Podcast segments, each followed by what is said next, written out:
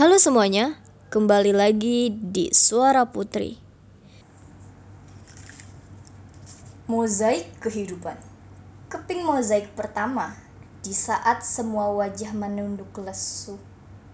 Di mana sahabatku dulu? Di saat seorang anak terlepas dari ibunya, di mana sahabatku dulu? Di saat semua urusan ada dalam kuasanya.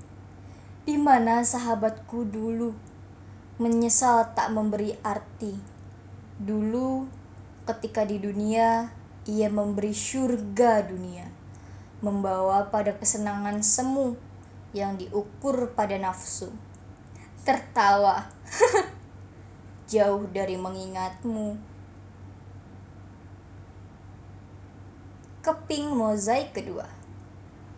Jiwa yang tenang duduk bertelekan sutra. Wajah mulia dalam ridomu.